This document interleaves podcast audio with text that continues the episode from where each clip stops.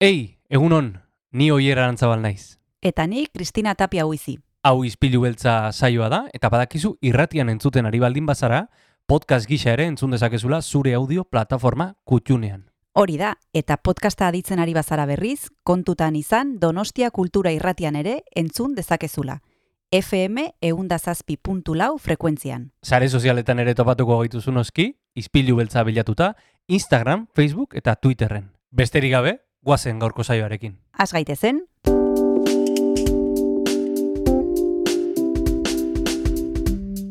Ispilu beltza. Donostiako kulturaren berri, Oyer Arantzabal eta Kristina Tapia buizirekin.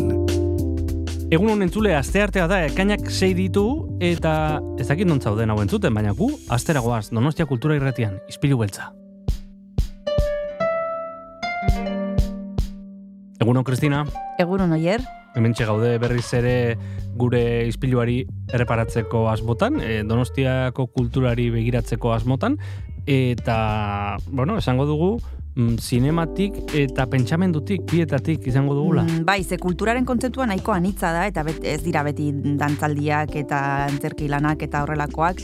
Gaur arreta jarriko dugu aldaketa klimatikoan, oier, azken aldi honetan pila bat entzuten ari gara gai honen inguruan, eta Santelmon bi aditu egongo dira, Cristina Monge eta Odil Rodríguez de la Fuente, eta guk gaur ekarriko dugu irratira, Odil Rodríguez de la Fuente biologoa da, divulgatzailea da, asko daki gai honen inguruan, eta plazerra izango da berarekin hitz egitea, gauzak eh, botako ditu interesgarriak apuntatzeko modukoak, eta gainera, asteartero bezala, kresaleko lagunak etorriko zaizkigu, kasu honetan Pedro Saldaña etorriko da, Matias Bizeren El Castigo pelikularen inguruan aritzeko. Zinema aldaketa klimatikoaren inguruko pentsamendua, gainera, e, Odile Rodríguez de la Fuente, Felizen alabarekin. E, tira, bere karrera egiten ari da baita ere, eta gauza interesgarri asko izango ditu kontatzeko, hori guztia gaurko saioan, baina lehenengo Asier Errastiren musika. Oazen.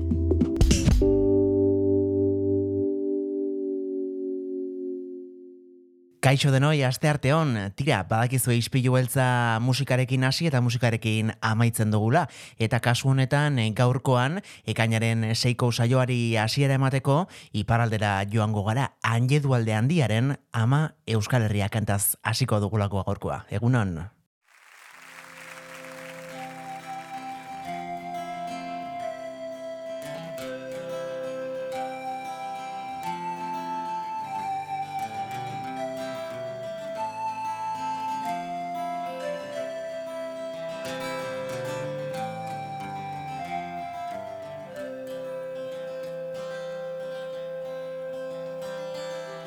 Delikatua baitut egungo suieta. Asi aintzin egin dut zonbait gogoeta. Gure arteko asko elentzuneta Euskaldun agertzea ez baita josteta.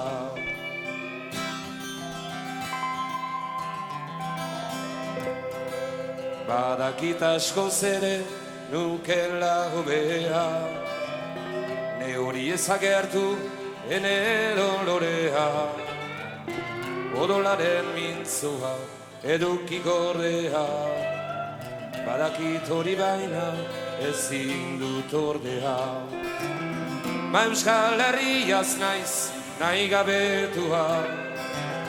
Zera doa lakotz betikoz mundua Bere seme alabez abandonatua Nor barka dezake gure bekatua.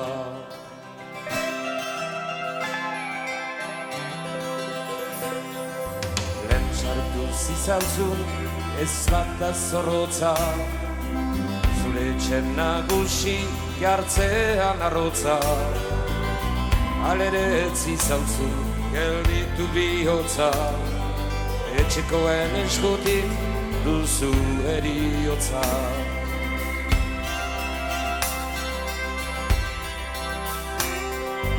Zure lekua hartu duen andereak Gurekin behar ditu bairatu bereak Amaizunaren dako ez daizke jodea Ama ukatu duten aurroak abea Ma euskal herriaz naiz nahi gabetua.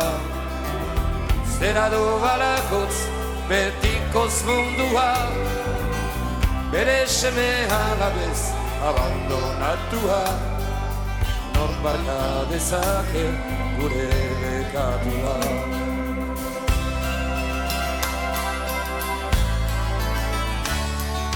Baditaike semeok noiz baito oroitzea Ama zuganik izan dugula sortzea. Gu aurre bilaturik zure horztea Jasan behar dugu gastigu dorpea.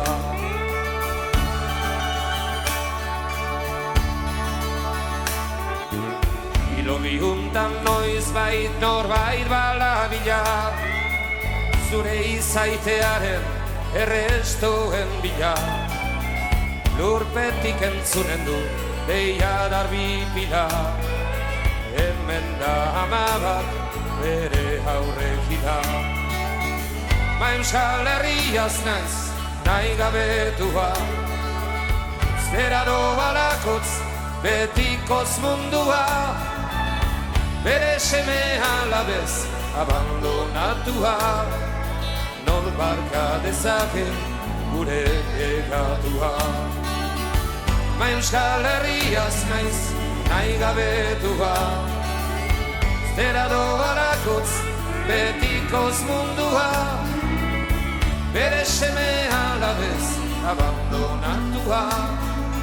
Non barka dezake gure egatua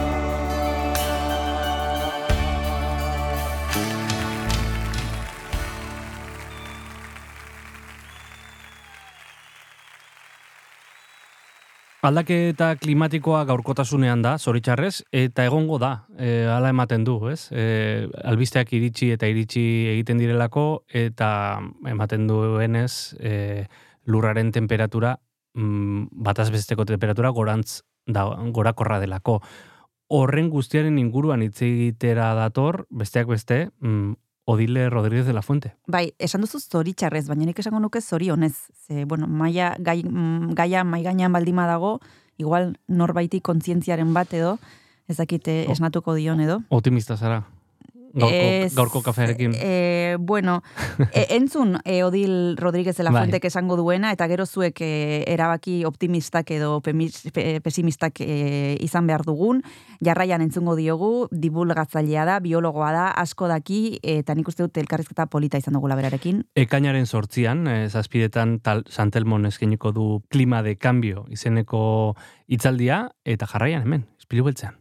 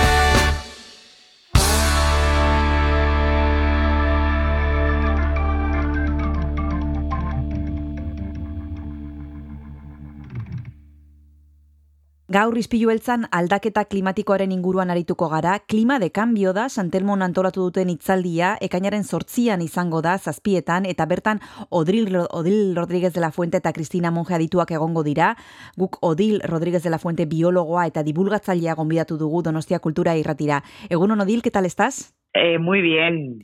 Bueno, encantada. Eh, Mm. vais a hablar de un tema que, por suerte, estamos eh, teniendo eh, cada vez más en los medios de comunicación y que habéis titulado Clima de Cambio, Cristina Monge y tú. ¿De qué nos vais a hablar exactamente en esta charla en Santelmodil? Bueno, te doy la razón que efectivamente está cada vez más en los medios de comunicación, pero creo que no lo suficiente todavía. Porque faltan aspectos muy didácticos. Mm, La mayoría de la gente de a pie, pues evidentemente sabe a grandes rasgos lo que es el cambio climático, pero le sigue quedando algo como muy lejos, ¿no? Es algo que asocian más, pues, eh, a los polos, a, al oso polar, eh, a una serie de elementos, pues, que parece que, que no les quedan en su día a día, en su cotidianidad, e incluso hay un elemento que a mí me preocupa especialmente, que es la ideología. Ay, madre mía. Ideolo Ay, madre- Ideologización. Exacto, exacto. Ideologización de, de- del tema, ¿no? Y la politización del tema. Entonces, considero que tiene que ser un aspecto, como quien diga, transversal, de Estado, ni siquiera planetario, Mm. eh, y que tiene que estar muchísimo más presente y mucho más accesible para cualquiera que quiera informarse al respecto. Entonces, en este sentido, ¿de qué vamos a hablar en la charla? Bueno, pues vamos a hacer un- una radiografía, vamos a hablar un poco de por qué hemos llegado hasta aquí, que yo creo que es importante, eh, las causas, por qué el ser humano ha establecido la relación que tiene con la naturaleza históricamente, si es nuestro sino, ¿no? Si, Sí. si forma parte de nuestra naturaleza o si es más algo cultural. Eh, vamos a hacer una radiografía del estado de salud del planeta y a partir de ahí vamos a poner el foco en lo que yo considero que es quizá lo más importante, que es el, el asombro, la maravilla y la esperanza que hay detrás de las soluciones. Hablas de esperanza y de soluciones, Odil. ¿Esto es algo que podemos conseguir? Eh, porque muchas veces, eh, bueno, se, hay, hay gente que piensa, "Bu- esto es cíclico, puede que, esto ha pasado otras veces, eh, ya pasará, y otras veces que nos dan unos mensajes más catastróficos en el que, en los que, bueno, parece que tampoco tenemos mucho margen de maniobra porque ya el mal está hecho. No sé si tú tienes esperanza en el cambio. Claro, ves, es que esto es lo que te comento yo, de cómo hay que acercar la información real y científica a la Mm. gente de a pie, ¿no? Mm. Por ejemplo, pues efectivamente han ocurrido cambios climáticos a lo largo de la historia de la Tierra, Mm. pero ninguno a la velocidad a la que está ocurriendo este y ninguno con unas causas antropógenas clarísimas. Es decir, Mm. que el causante de este cambio climático, por primera vez en la historia del planeta, Mm. somos los seres humanos. Claro. Hasta tal punto que incluso los geólogos hablan de que estamos saliendo del Holoceno, que es la etapa geológica en la que estamos, y entrando en el Antropoceno, Mm. porque nos hemos convertido como especie en la mayor fuerza de la naturaleza a día de hoy, que más efecto tiene y que más cambios produce, eh, sobre todo el sistema vivo planetario. Entonces, si nosotros somos la causa, la pregunta es, ¿podemos nosotros ser la solución? Pues bien, hasta aquí lo que hemos causado de impacto hasta el momento pues tiene difícil solución porque ya está esa concentración de dióxido de carbono en la atmósfera. Lo bueno es que mm, el planeta Tierra y el clima tienen una inercia, es decir, que no estamos sintiendo los efectos de las concentraciones de dióxido de carbono de forma inmediata en el tiempo, Mm. sino que suelen tener una inercia de 10 a 15 años. Eso nos da un margen para, primero, dejar de emitir gases de efecto invernadero y, en segundo lugar, hacer todo lo posible por absorber gases de efecto invernadero que estén en la atmósfera. Con lo cual, podríamos frenar la deriva actual, ¿no? Podríamos frenar el que este cambio se quede en 1,5, 2 grados más de temperatura en relación a la temperatura preindustrial, que es el objetivo de la cumbre de París, ¿no? que es lo que hemos firmado todos los países en el Acuerdo de París. Entonces, tenemos las soluciones. Eso es lo que es increíblemente sorprendente. ¿Y de qué se trata? Entonces, ¿por qué no las ponemos en marcha? Bueno, pues por otra gran inercia, que es la inercia del sistema socioeconómico capitalista que hemos creado entre todos, y que le cuesta muchísimo cambiar. A los seres humanos nos cuesta una barbaridad cambiar, ¿no? Pero por eso es tan importante hablar, explicar y hacer que la gente entienda que es algo que podemos, por supuesto que podemos hacer entre todos y sobre todo que aunque no existiese esta causa de raíz, que es el cambio climático, los cambios que tenemos que hacer y el futuro que se atisba detrás de esos cambios nos hablan de un futuro muchísimo mejor que el momento actual, ¿no? Es decir, Mm. que son todo cambios que van a mejorar nuestra calidad de vida, pero de forma enormemente sustancial. Estos cambios que deberíamos hacer para poder parar el cambio climático que ya está sucediendo, Odil, implicarían, según algunos, parar la economía. ¿Es contra, es eh, ¿Son dos con- co- conceptos contrapuestos, economía y ecología? No, en absoluto, en absoluto. Tienes que tener en cuenta que eh, aquí hay una diferencia. No se puede comparar economía y ecología, porque la ecología es algo que viene dado, es una realidad física y que es independiente a nosotros, ¿no? Mm. Es- es- Eso está ahí y eso es lo que dictamina de alguna manera cómo Mm. funciona el mundo. Sin embargo, la realidad económica es una realidad imaginada. Eh, las reglas del juego de la economía han sido establecidas por los seres humanos y ahí es donde tenemos margen de maniobra. Podemos tener una economía, pero hay que cambiar algunas de esas reglas del juego. Te voy a dar un ejemplo clarísimo. ¿no? Eh, dentro de la economía existe un concepto que se llama externalidad que es eh, todo el daño ambiental que se hace para producir un producto, no se ve como un coste y no sale en el coste, no está reflejado en el coste final del producto. Mm. O sea, que si para, imagínate, eh, para mm, tener carne que sale de la selva amazónica y previamente se ha tenido que talar pues parte de esa selva ama- amazónica, pues esa pérdida de ecológica no forma parte del coste de la carne finalmente en el lineal, ¿no? Donde tú vas a comprarlo. Y eso es tan perverso que hace que eh, tú puedas ir en el País Vasco, por ejemplo, a un supermercado cualquiera y comprarte una manzana que viene de la otra punta del mundo, que Mm. ha sido producida pues con pesticidas, con Mm. todo tipo de agroquímicos que ni siquiera están reflejados en el paquete, Mm. y te salga muchísimo más barata esa manzana que una que ha sido producida de forma local eh, y en ecológico.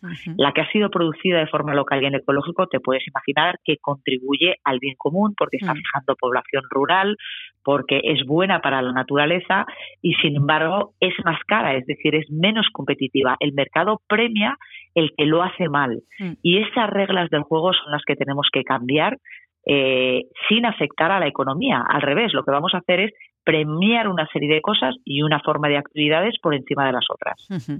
Vamos a seguir hablando de estos temas que son tan interesantes y que nos afectan a todos ya, eh, aunque parezca que son eh, lejanos en el tiempo y en, y en la geografía. Nos vamos a tomar un pequeño descanso y continuamos enseguida.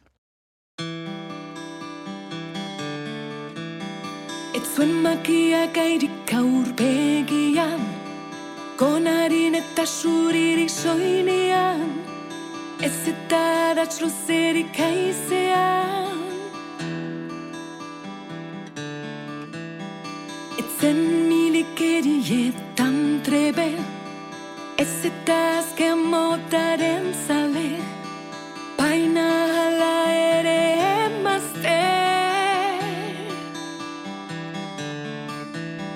Ez Christmas.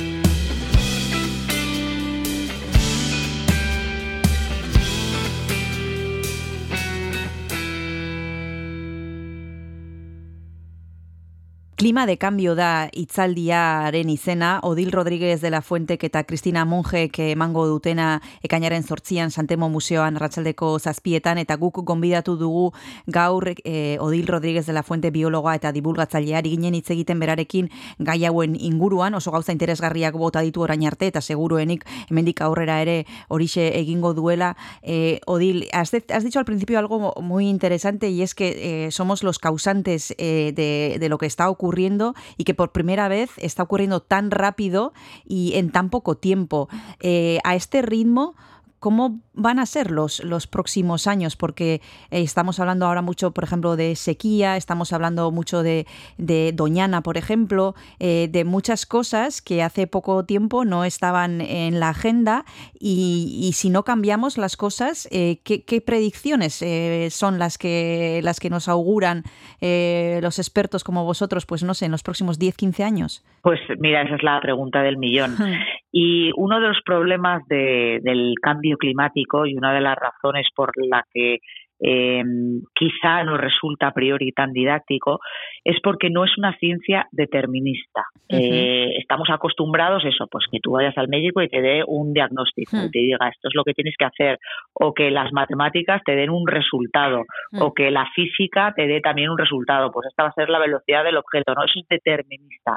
El problema de la ciencia climática es que es tan sumamente compleja y hay tantos factores que es una ciencia probabilística. Mm. Y esto la gente lo sabrá cuando se habla, por ejemplo, de la previsión meteorológica, Sí, que se sí. habla en términos de porcentajes, ¿no? El Sí. porcentaje de que llueva es tal, tal, y aún así, aún siendo, imagínate, el 80% de que llueva, a lo mejor no llueve, porque claro, ese 20%. Sí.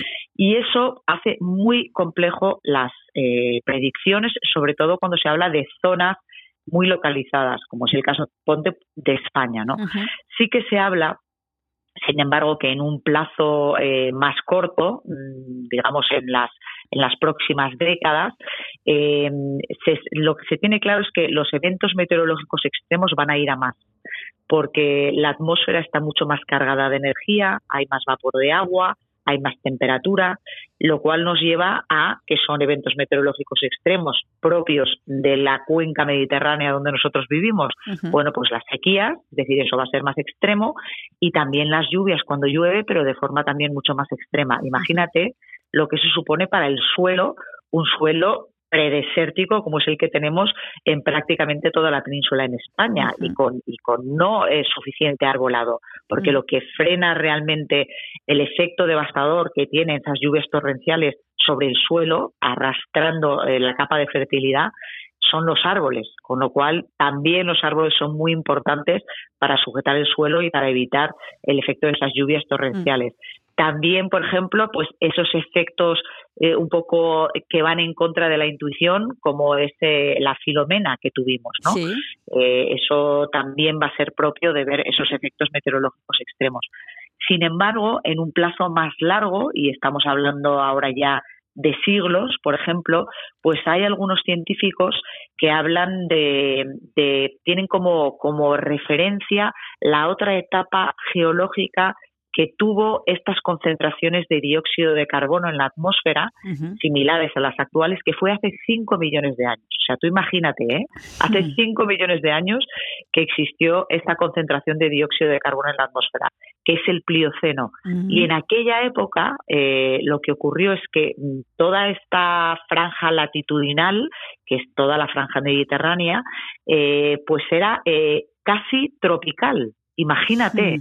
Entonces, es posible que en el largo plazo geológico terminamos convirtiéndonos en una zona tropical, pero claro, de eso ya estamos hablando a muy, muy largo plazo. Mm, Y es lo que mm. ocurre, que la escala geológica del planeta y lo que son ya las zonas climáticas y el establecimiento de las zonas climáticas, aquí estamos hablando que va a haber cambios en las corrientes oceánicas, cambios en las corrientes atmosféricas, eh, estamos hablando de cambios realmente Mm. enormes, ¿no? Mm. No se queda solamente en eventos meteorológicos extremos. Imagínate también adaptar la economía y la producción primaria del mundo, las consecuencias geopolíticas con estos cambios enormes de las zonas climáticas del mundo, ¿no? De las Mm. grandes zonas climáticas del mundo.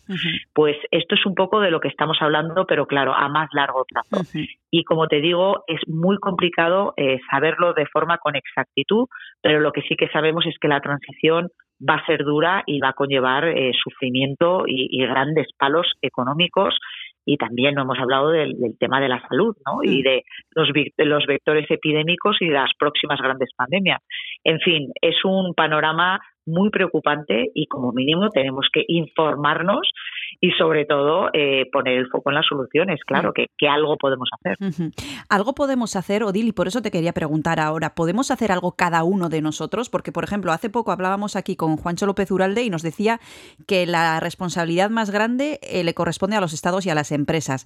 También nosotros podemos hacer cosas porque igual pensamos, bueno, pues eh, si son las empresas y si son los estados, pues no, cada uno que siga un poco con su plan de vida, pero individualmente nosotros en nuestras casas, en nuestro día a día, tenemos margen. Hombre, totalmente. Fíjate, yo en este sentido eh, eh, siento estar en desacuerdo con Juancho. Hombre, no le falta razón también a grandes rasgos, pero yo por mi experiencia, a mí me parece que los grandes cambios que se han dado en la historia, eh, revolucionarios, ¿no? Cambios de paradigma, al final vienen de abajo arriba. Eh, es algo que es una forma en que el ser humano se siente y se relaciona con el entorno y, y es una ruptura, es un punto de inflexión eh, donde uno dice no podemos seguir así, ¿no? Hay algo que no funciona, pues imagínate la Revolución Francesa, ¿no? Esto es esto es algo insostenible Mm.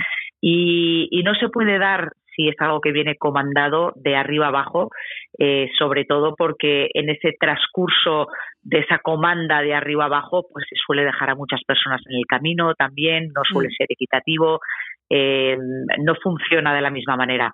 Por eso yo considero que es un cambio que cada uno de nosotros tenemos que dar, es un cambio de sensibilidad también, de sensibilidad de cuando tú ves a alguien que tira algo por la ventanilla del coche, eh, pues el sentir si vas detrás, joder, esto no está bien, ¿no? Porque, Mm. porque este espacio es de todos Mm. y esta persona es una egoísta. Mm. Eh, es una sensibilidad de saber que si hay una fábrica cerca de donde tú vives y está vertiendo a un río, pues también sentir que algo tenemos que hacer al respecto.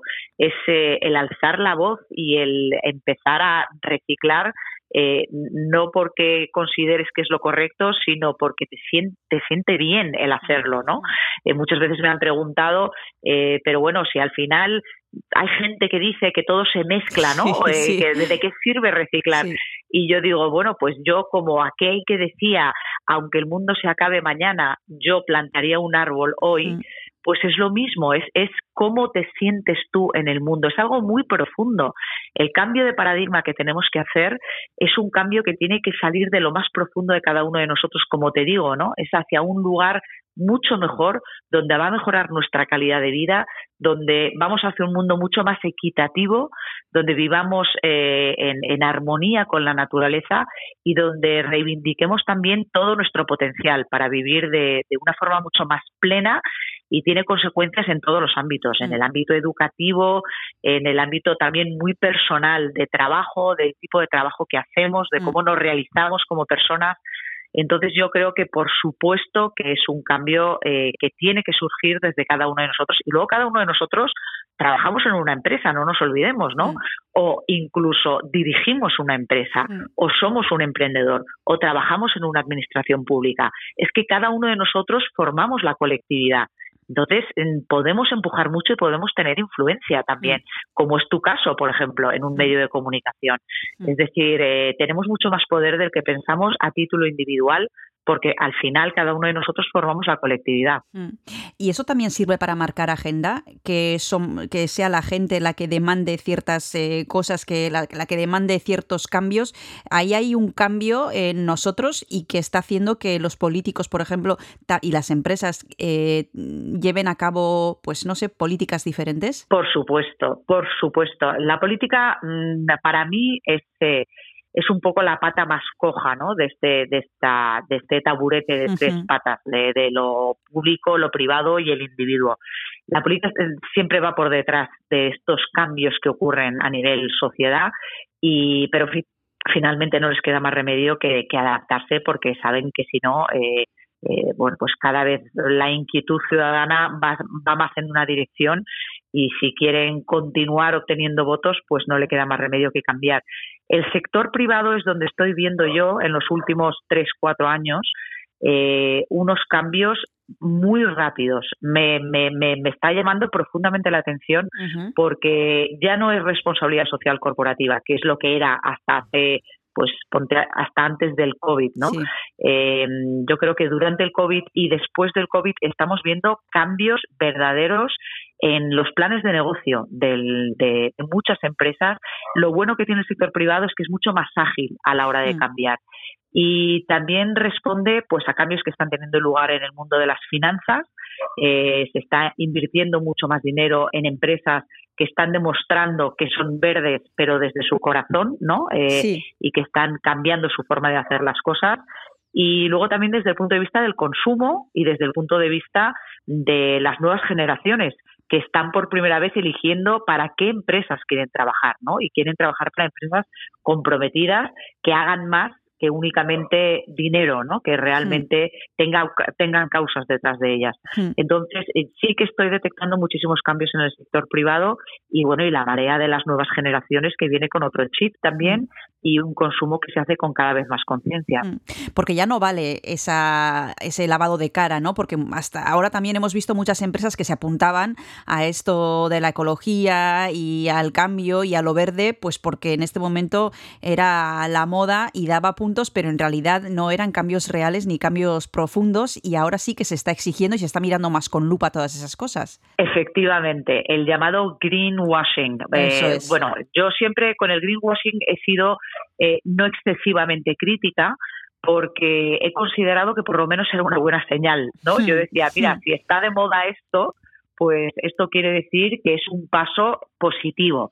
Ahora bien, eh, en el momento en el que hay empresas que lo están haciendo de verdad y que se con una trazabilidad y con una convicción detrás, pues las que hacen greenwashing eh, mm, van quedando como en evidencia, ¿no? Y, cada vez es más fácil, sobre todo también con la revolución que ha supuesto y que sigue suponiendo Internet, el, el poder, eh, esa transparencia, ¿no? El exigir esa transparencia y exigir también a empresas. Se han visto movimientos con algunas empresas, por ejemplo, de alimentación, con el aceite de palma, bueno, pues movimientos de verdadero castigo eh, a empresas movido muchas veces por ONGs a nivel internacional porque se mueven mucho más eh, desafortunadamente que en España que el movimiento del tercer sector pues es, es, es mucho más débil ¿no? que, que a título internacional pero se han visto eh, verdaderos castigos no a los que no lo han hecho bien y en ese sentido te digo el consumo y aquí la administración tiene un papel muy importante que jugar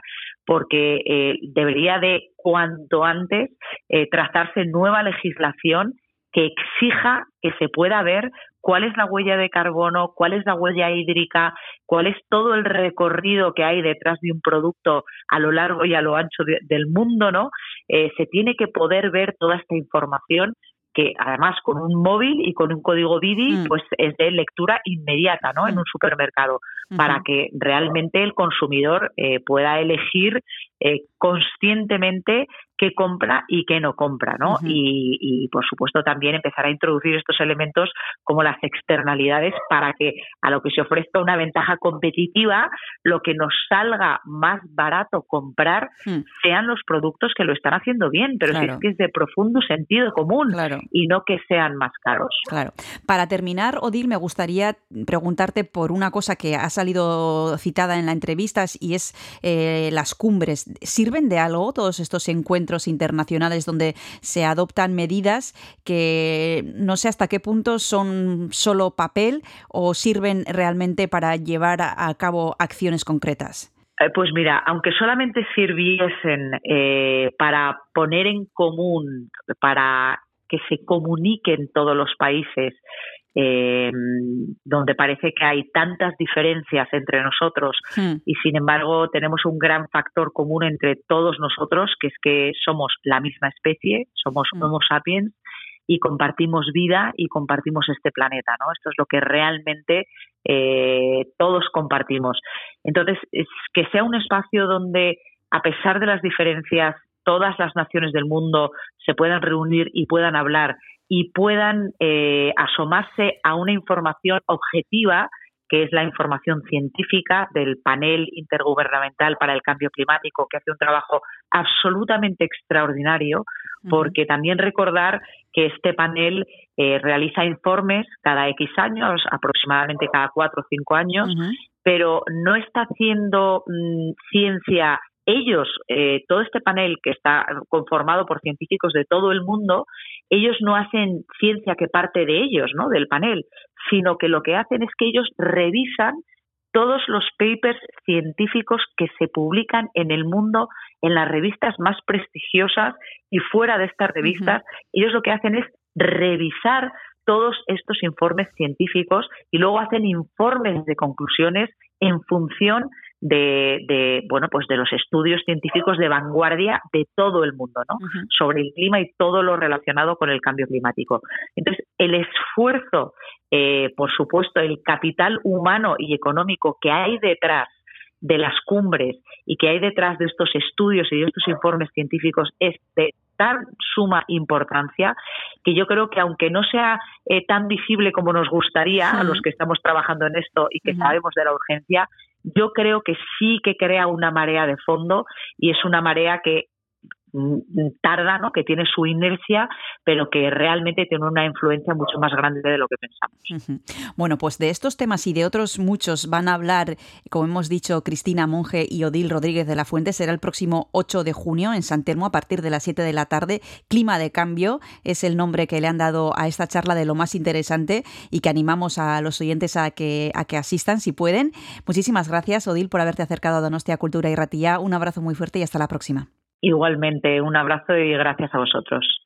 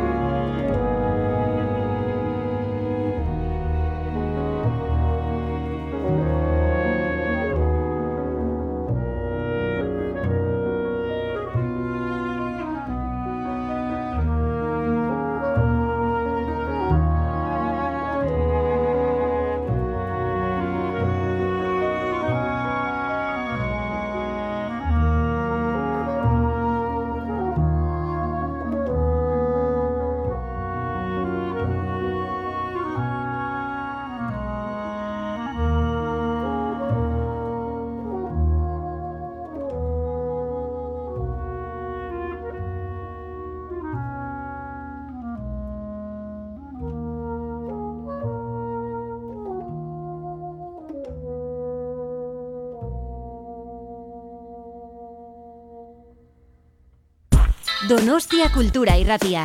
Entzun eta erabili.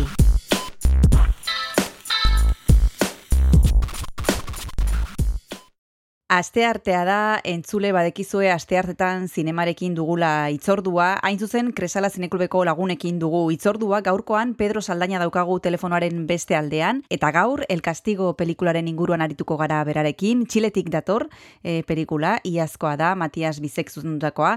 Egunon, Pedro, ¿qué tal estás? Hola, muy buenas, muy bien, gracias. Bueno, vamos a hablar de una película que tiene varias aristas de las que podremos eh, charlar ahora, pero lo primero de todo eh, me gustaría que nos contaras eh, cuál es la premisa de esta historia que nos llega desde Chile. Una premisa, bueno, curiosa, pero que atrapa por lo que he leído. Cuéntanos qué nos cuenta Matías Vice en esta, en esta historia. Bueno, la película empieza con dos padres que se alejan, bueno, que están circulando en, un coche y están discutiendo sobre no tenías que haber hecho eso, creo que te has pasado, eh, no habría que... Y entonces tú ya te empiezas a preguntar qué, qué, es lo que está pasando aquí. Y bueno, a los, a los tres minutos ya se resuelve que han castigado a su hijo porque se estaba portando mal en, en el coche y le han dejado pues un momento en medio del bosque y ellos han simulado que se iban yéndose de verdad. Mm. Y bueno, pues deciden volver, esto pasa a los cinco minutos de película y cuando vuelven al sitio donde lo habían dejado ya no está. Y a partir de ahí, pues la peli. Y a partir de ahí, la peli. Una película que tiene una característica eh, muy potente y que tú me dirás si funciona o no, o si en tu opinión funciona o no. ¿Cuál es ¿Y qué te parece? Sí, está rodada en un único plano secuencia, uh -huh. o sea, sin, sin cortar, desde el uh -huh. inicio hasta el final, lo cual, eh, hombre, en cuanto a la preparación y demás, pues exige muchísimos más ensayos, tenerlo todo mucho más claro. Eh, y luego el rodaje en general, bueno, pues puede ser algo más breve, pero también tiene, tiene sus, sus dificultades técnicas porque, como digo, pues hay muchísimo que ensayar, muchas pruebas que hacer y todo, digamos, que tiene que estar eh, muy bien medido, aunque a veces en un plano secuencia de una hora y pico, pues hay cosas que, bueno, que quizás no han quedado exactamente, pero el conjunto sí que representa exactamente lo que tú, lo que tú quieres transmitir y a mí me da la sensación de que la película lo logra perfectamente, uh -huh. porque tras ese inicio viene, bueno, todo el desarrollo de, de la película y, y, de qué es la película sobre, pues, eh, la maternidad, eh, sobre la responsabilidad eh, paterno-filial. Uh -huh. Y esos 86 minutos eh, que dura el castigo, eh, ¿cómo son? Porque la premisa y, y, el inicio es muy potente, pero yo no sé si consigue mantener esa tensión a lo largo de, del, del, metraje. Claro, a ver, lo inteligente normalmente en las películas es ir dosificando la información a, al espectador. Mm. Tienes que guardarte varias, varios giros en, en, la trama que en un momento dado eh, puedan oxigenar. Eh, claro, los protagonistas absolutos son el padre y la madre, uh -huh. sobre todo la madre, pero uh -huh. el, el, padre también en, eh, en lo que le toca. Pero luego van apareciendo, pues hay un momento claro en el que llaman a la policía, etcétera, van apareciendo otros personajes que van oxigenando la trama y que además, eh, claro, la policía hace preguntas. Entonces, a partir de esas preguntas empezamos a entender muchísimas más cosas que hasta ese momento, bueno, pues simplemente hablábamos de, de, de una desaparición sin más y hay que ver pues las causas, las consecuencias que eso tiene sobre la pareja, sobre ellos mismos, quiero decir ellos mismos, sobre la madre y sobre el padre como, uh -huh. como personas. Y en ese sentido yo creo que eh, logra eh, dosificar la información lo suficientemente bien como para que los 86 minutos sean un paseo, en mi opinión, bastante, bueno, bastante interesante. Uh -huh. Vamos a seguir hablando enseguida del castigo, de esta película dirigida por el chileno Matías Vicé. Lo vamos a hacer después de tomarnos el primer descanso y para eso ya sabes, Pedro, que te voy a pedir una canción. ¿Qué has pensado? Pues mira, había pensado, ya que hace poco que han sido las elecciones y demás, Bela Chao de Goran Bregovic para amenizar un poco. Perfecto, vamos a escucharla.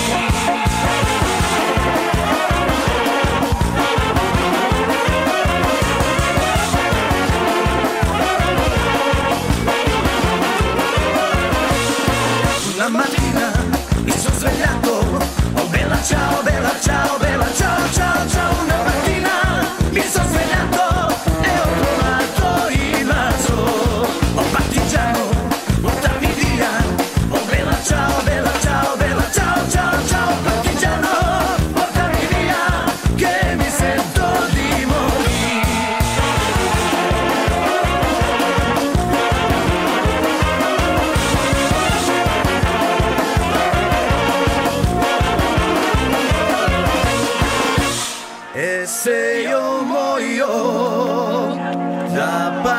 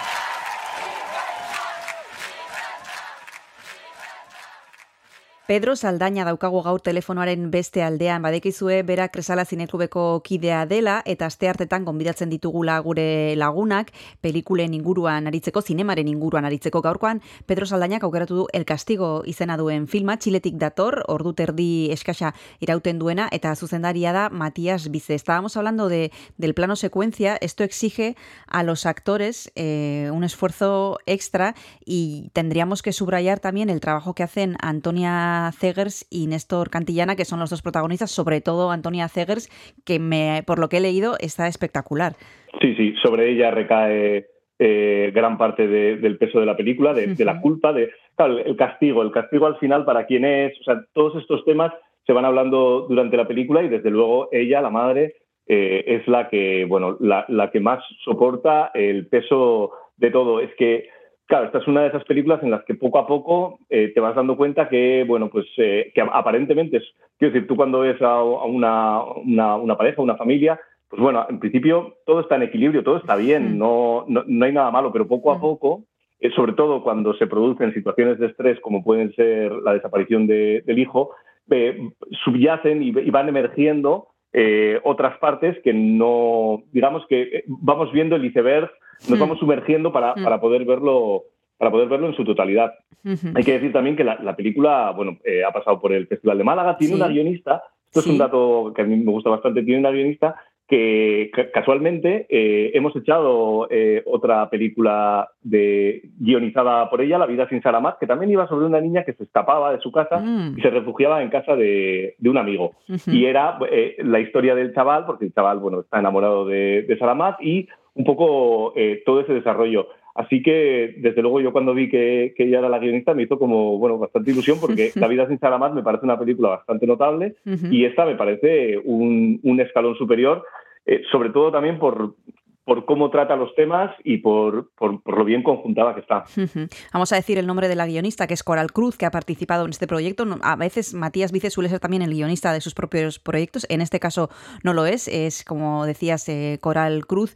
Eh, un relato también eh, no solo sobre la búsqueda de un hijo que se ha perdido, también sobre la maternidad, sobre las relaciones de pareja, sobre otros temas que van un poquito más allá que no, so- bueno, solo entre comillas, que bastante es que se te haya perdido un hijo.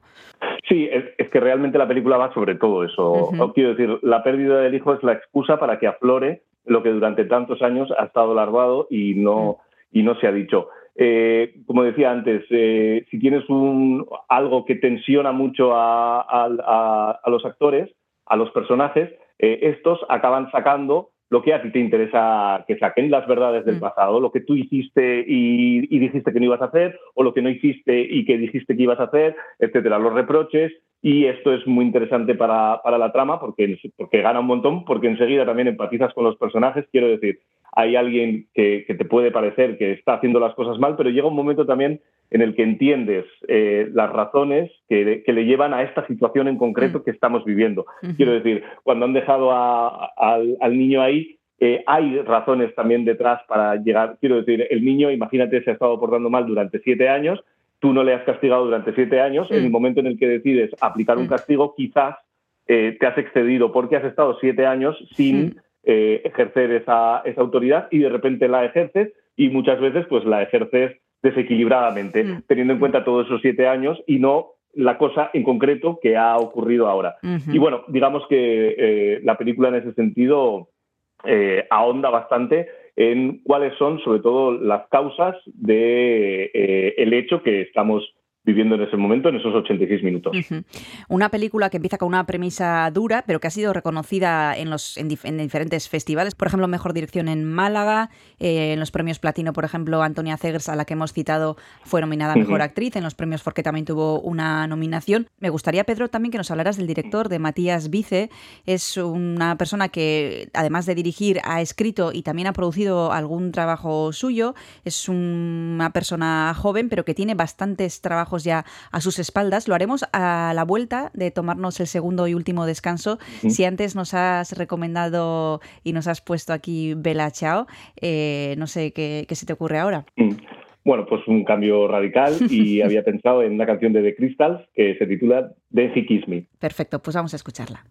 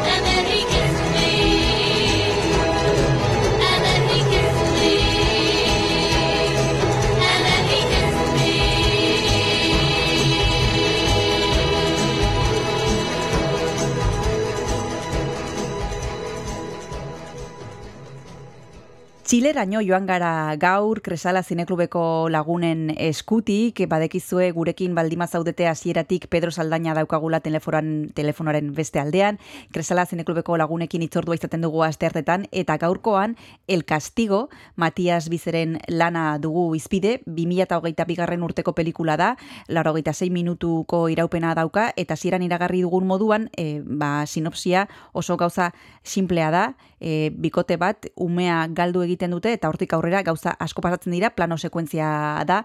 Estábamos hablando justo antes de tomarnos el segundo descanso, eh, Pedro, de, de este director, de Matías Vice, eh, una persona que ya tiene varios trabajos a sus espaldas y eso que es del 79, bueno, joven para los que somos casi de su edad, además de dirigido, ha producido, ha escrito eh, y que tiene una carrera, bueno, bastante reconocida por la crítica y con bastantes eh, cosas a tener en cuenta, ¿no?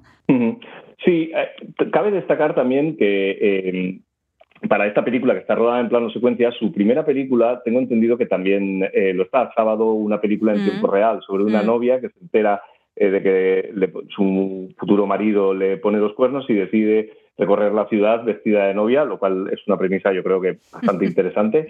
Y luego, respecto a- al tema de, de la película, esta, eh, tiene también la memoria del agua, en la que una pareja ha perdido a su hijo y Mm. esto también hace que empiecen a emerger eh, pues, eh, reproches, eh, bueno, cosas que entonces, bueno, pues deciden separarse, pero el caso es que mm, cuan- cuando, quieres hablar de, de crisis de pareja lo puedes hacer como desde bastantes ámbitos, desde el dolor, desde la desesperación, como es el caso de, del castigo o la angustia, desde varios puntos de vista. Y él, en una entrevista también que, que he podido ver, ya hablaba de que a él le interesaba encontrar una película que pudiese contar en un plano secuencia, que no, Mm. que, que él no quería hacer cualquier película en plano secuencia, sino que tenía que encontrar eh, la película adecuada. Y desde luego yo creo que, que con el castigo ha encontrado perfectamente la película porque eh, un plano secuencia también implica más cosas, como que, por ejemplo, hay menos tiempo para respirar, el, eh, digo, para Sí. respirar el, el espectador, Sí, sí. porque todo ocurre eh, instantáneamente, no hay un momento en el que el personaje esté durmiendo y nosotros mirándole, ni hay... eh, ahí lo, bueno, lo, lo que a veces eh, suelen hacer es eh, parar en algún momento determinado, Hmm. cuando el personaje está pues muy azorado o lo que sea, mirando al horizonte, o yo qué sé, lo, lo que se le ocurra al director en ese momento, pero son películas que suelen dar menos pie a- al descanso. Estamos hablando de una película, El Castigo, que está rodada en plano secuencia, algo que exige un esfuerzo mayor a los actores, como decíamos, también al director, también al espectador, pero no es la primera que está rodada así. Tenemos muchísimos ejemplos. No sé si recuerdas tú alguno. Pedro, que te haya gustado especialmente el resultado. Sí, claro. Sí, sí, a ver, bueno, tenemos desde una película en este sentido canónica, que es El arca rusa, de Alexander Sokurov, Ujú. eh, de 2000 y poco, que es, eh, tengo entendido, la primera rodada íntegramente en un plano secuencia, porque luego hay películas anteriores, pero claro, hay que tener en cuenta también, eh, se puede rodar un plano secuencia de una película de 90 minutos o u 80 o 70 si ruedas en digital. Hmm. Si ruedas con lata de película, Hmm. la lata de película tiene una duración determinada y no puedes pasarte de lo que Hmm. dure el rollo. Eh, la película La Soga, por ejemplo, de Alfred Hitchcock con James Stewart, es una, una película que en este sentido todo el mundo recuerda, pero hay que tener en cuenta que hay cortes cada, no sé si son cada 8 o cada 10 Mm. minutos. Eh, debido a, a la duración de las latas, le obligaba a que, bueno, pues que tenía que transicionar de alguna manera de un momento a otro. En algunos momentos lo hace mejor, en otros momentos lo hace eh, con la espalda de, un- de uno de los personajes, pero desde luego Hitchcock, que en ese sentido eh, es un director que siempre ha intentado innovar. Estoy recordando también la película Náufragos, yo creo que es todavía de la etapa británica, en la que todos los personajes, estamos hablando de 1930 y algo, todos los personajes se encuentran de- dentro de una, de una balsa y ahí se desarrolla toda la película. Siempre ha sido muy audaz a la hora de intentar encontrar eh, el efecto vértigo también, eh, a la hora de Mm. intentar encontrar nuevas herramientas con las que expresar. Claro, la soga tiene mucho sentido que sea en plano secuencia porque es eh, todo ese proceso en el que invitan al profesor, que es James Stewart, para bueno, tienen Alcalá en, en el arcón y como durante toda la película tú tienes esa tensión de ahí como, como abran el arcón. Y luego estoy recordando ya otras películas que no están rodadas íntegramente en plano secuencia, como puede ser, eh, a mí igual de las que más me gusta es Hijos de los Hombres y Roma, Mm. de Alfonso Cuarón. Ujú. Eh, me parece, sobre todo Roma, bueno, bueno, la verdad es que Hijos de los Hombres también me lo paso muy, muy bien, porque a mí las películas de acción eh, me gustan y esa es, digamos que no es exactamente una peli de acción, pero se acerca mucho a lo que es una peli de acción y está rodada en un plano secuencia que es maravillosa, además, bueno, una peli apocalíptica y demás. Y me estoy acordando también de Iñárritu y Sí. eh, El Renacido, con sus larguísimos planos secuencia, El ataque del oso, etcétera, o también Birdman, la de Michael Keaton, de el, el actor de teatro, bueno, que se mete también en su propio papel, que fue Batman anteriormente y que, Mm. bueno, se vuelve un poco loco.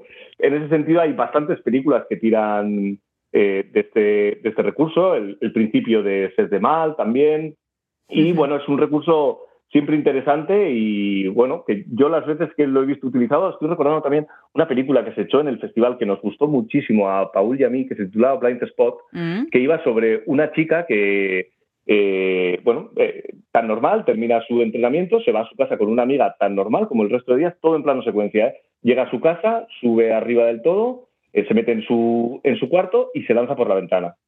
Y a partir de ese momento, claro, tú piensas que la protagonista es la niña, a partir de ese momento aparecen los protagonistas de verdad, que es sobre todo la madre. Mm. Y la angustia de la madre, qué es lo que ha ocurrido, la madre igual ya sabía que sufría algún tema de bullying o no, eso es lo que se va desarrollando en la película. Entonces, muchas veces es también una buena excusa para hablar sobre, sobre temas, eh, bueno, pues espinosos, escabrosos y hacerlo eh, con, un, con un dinamismo que, que, bueno, no te lo da el, el hecho de pues, poder cortar, poder hacer elipsis, todo este tipo de cosas. Es una manera distinta de, de narrar, pero que, bueno, también, eh, en mi opinión, es muy, muy interesante. Decíamos que Matías Vice no es el primer director que utiliza este recurso, el del plano secuencia. Eh, hemos citado aquí varios, pero por los nombres que has dicho, Pedro, me da la sensación de que son directores ya con tablas, que esto no lo hace eh, de buenas a primeras uno con su primera película, ¿no? Esto requiere ya eh, un conocimiento del oficio. Sí, hombre, no es fácil rodar todo un plano secuencia. eh, quiero decir, siendo, siendo tu primera película, supongo que habrá algún ejemplo ¿eh? de eh, alguno más audaz y es que sobre todo la historia que quieras contar, cómo encaja en, en el espacio en el Ya. que lo quieres contar. Estoy acordándome, acordándome perdón, también del cortometraje Madre, Mm, el sí, de Sorogoyen. Sí, sí, sí. Era también en, en plano Era secuencia, funcionaba como un auténtico tiro. O sea, Mm. era. Porque, claro, la madre recibe la llamada de eh, estoy eh, perdido en la playa, viene alguien, eh, me van a secuestrar. Y, claro, a partir de ese momento tú empatizas con, con, con el personaje y ya a partir de ahí solo hay angustia. O sea, solo está la angustia de intentar salir de casa. Yo luego el, el largometraje no, no tuve oportunidad de verlo. Creo que no está rodado en, en plano secuencia y, y que Mm. además no es exactamente un remake, sino una continuación de- del cortometraje. Pero este cortometraje, por ejemplo, me pareció en su momento muy audaz. Es cuestión de, encontrar la forma y a partir de ahí intentar, eh, intentar digamos, que técnicamente al nivel al que estés, quiero decir, si, no tienes eh, Steadicam o no tienes eh, traveling, no, no, no puedes, pues tendrás que plantearte una historia cámara en mano eh, y tendrá que tener, bueno, pues eh, componentes para que la cámara en mano tenga cierto sentido. En, por ejemplo, una película bélica. Estoy pensando, ahora, ahora me acuerdo, 1917 tampoco la he, la he nombrado, de, de San Méndez, también eh, rodada aparentemente en un, en un plano secuencia. Realmente son, son unas cuantas y normalmente eh, suelen transmitir bastante bien la angustia, pero reconozco que es verdad, o sea, como tú dices, no es tampoco tarea fácil porque técnicamente implica mucho, mucho, muchos ensayos y eh, poder trabajar en el espacio y eh, no es fácil que, que luego quede todo perfecto, perfecto. Bueno, pues esta es la propuesta que también ha querido hacer Matías Vice, un plano secuencia con el castigo. Esta es la película que proyectarán los amigos del Cine Club Cresala. Será esta tarde en los cines Truba, como siempre, a las siete y media de la tarde. Muchísimas gracias, Pedro Saldaña, por haberte acercado nuevamente a Ispillu Elsa, Donostia Cultura y Ratirá. Un placer, como siempre. Milla arte. Muchísimas gracias a vosotros.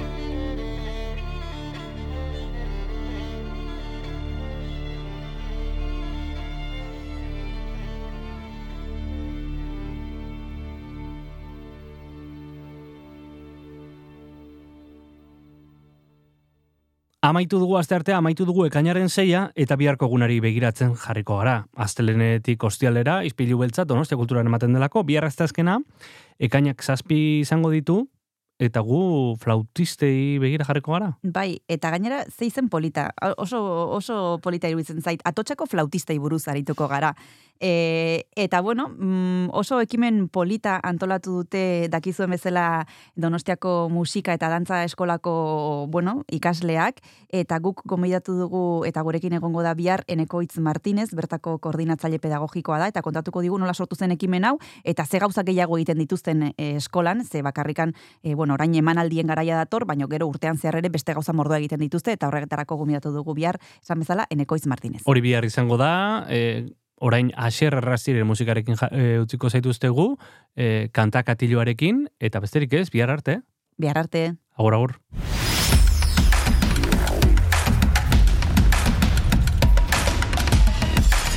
Donostia Kultura Irratia. Zabaldu gurekin Donostialdeko kulturaren leioa.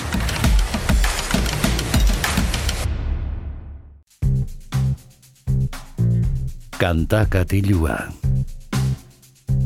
Kaixo entzule, ongi etorri kantakatilua talera, badakizue tarte honetan ispilu beltze erratsaioan musika izaten dugula izpide, musika izaten dugu protagonista, eta horretarako gaurkoan ere bilduma bat esku artean hartu, eta diska osorik goitik behera entzuteko aukera izango dugu datozen minutuetan. Eta horretarako Nafarroko iparraldera jo behar dugu, bertakoa delako, Pleura taldea 2000 eta emezortzi garen urtean Nafarroako iparraldean sortutako taldea. 2000 eta hogei garen urtean plazaratu zuten orain hemen eskuartean dugun bilduma eta hau entzungo dugu datozen minutuetan hemen Donostia Kultura irratian. Zuekin bakarrilketa.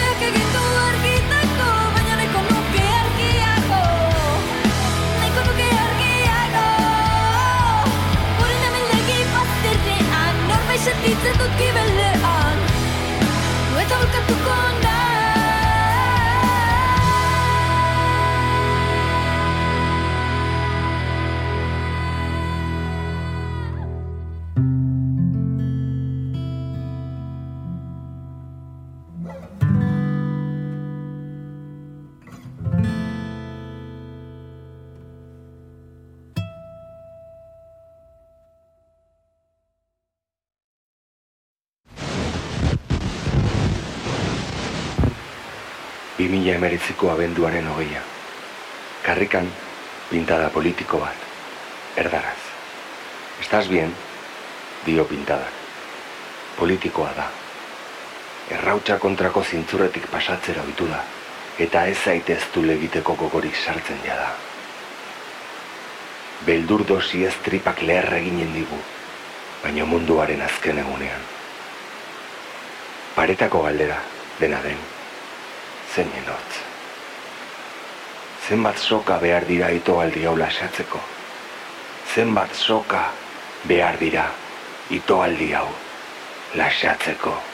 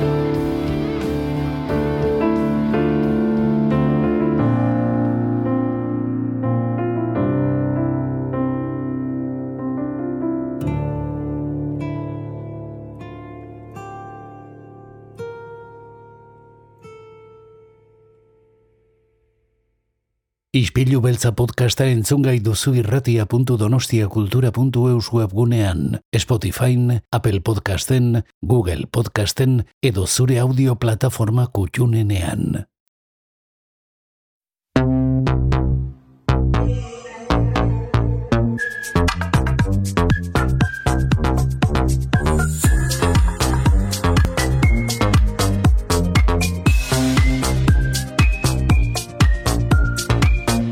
Fes una foto del terrat que des d'aquí es pot veure Mart.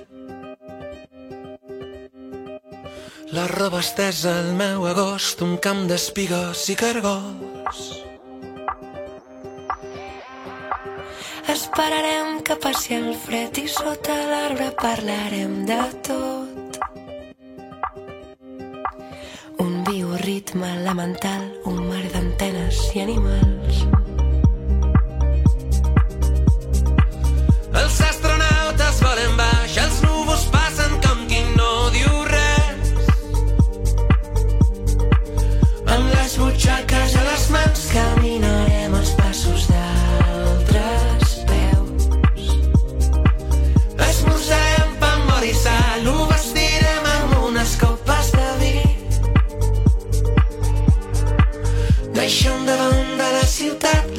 vegades llarga i potser més, molt més.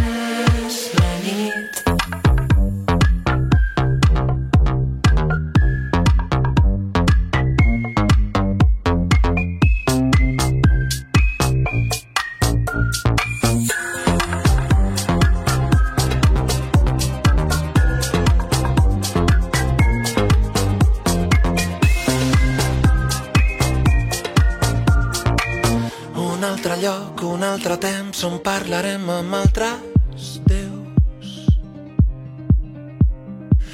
El meu secret subtitulat Camins d'arròs, camins de blau.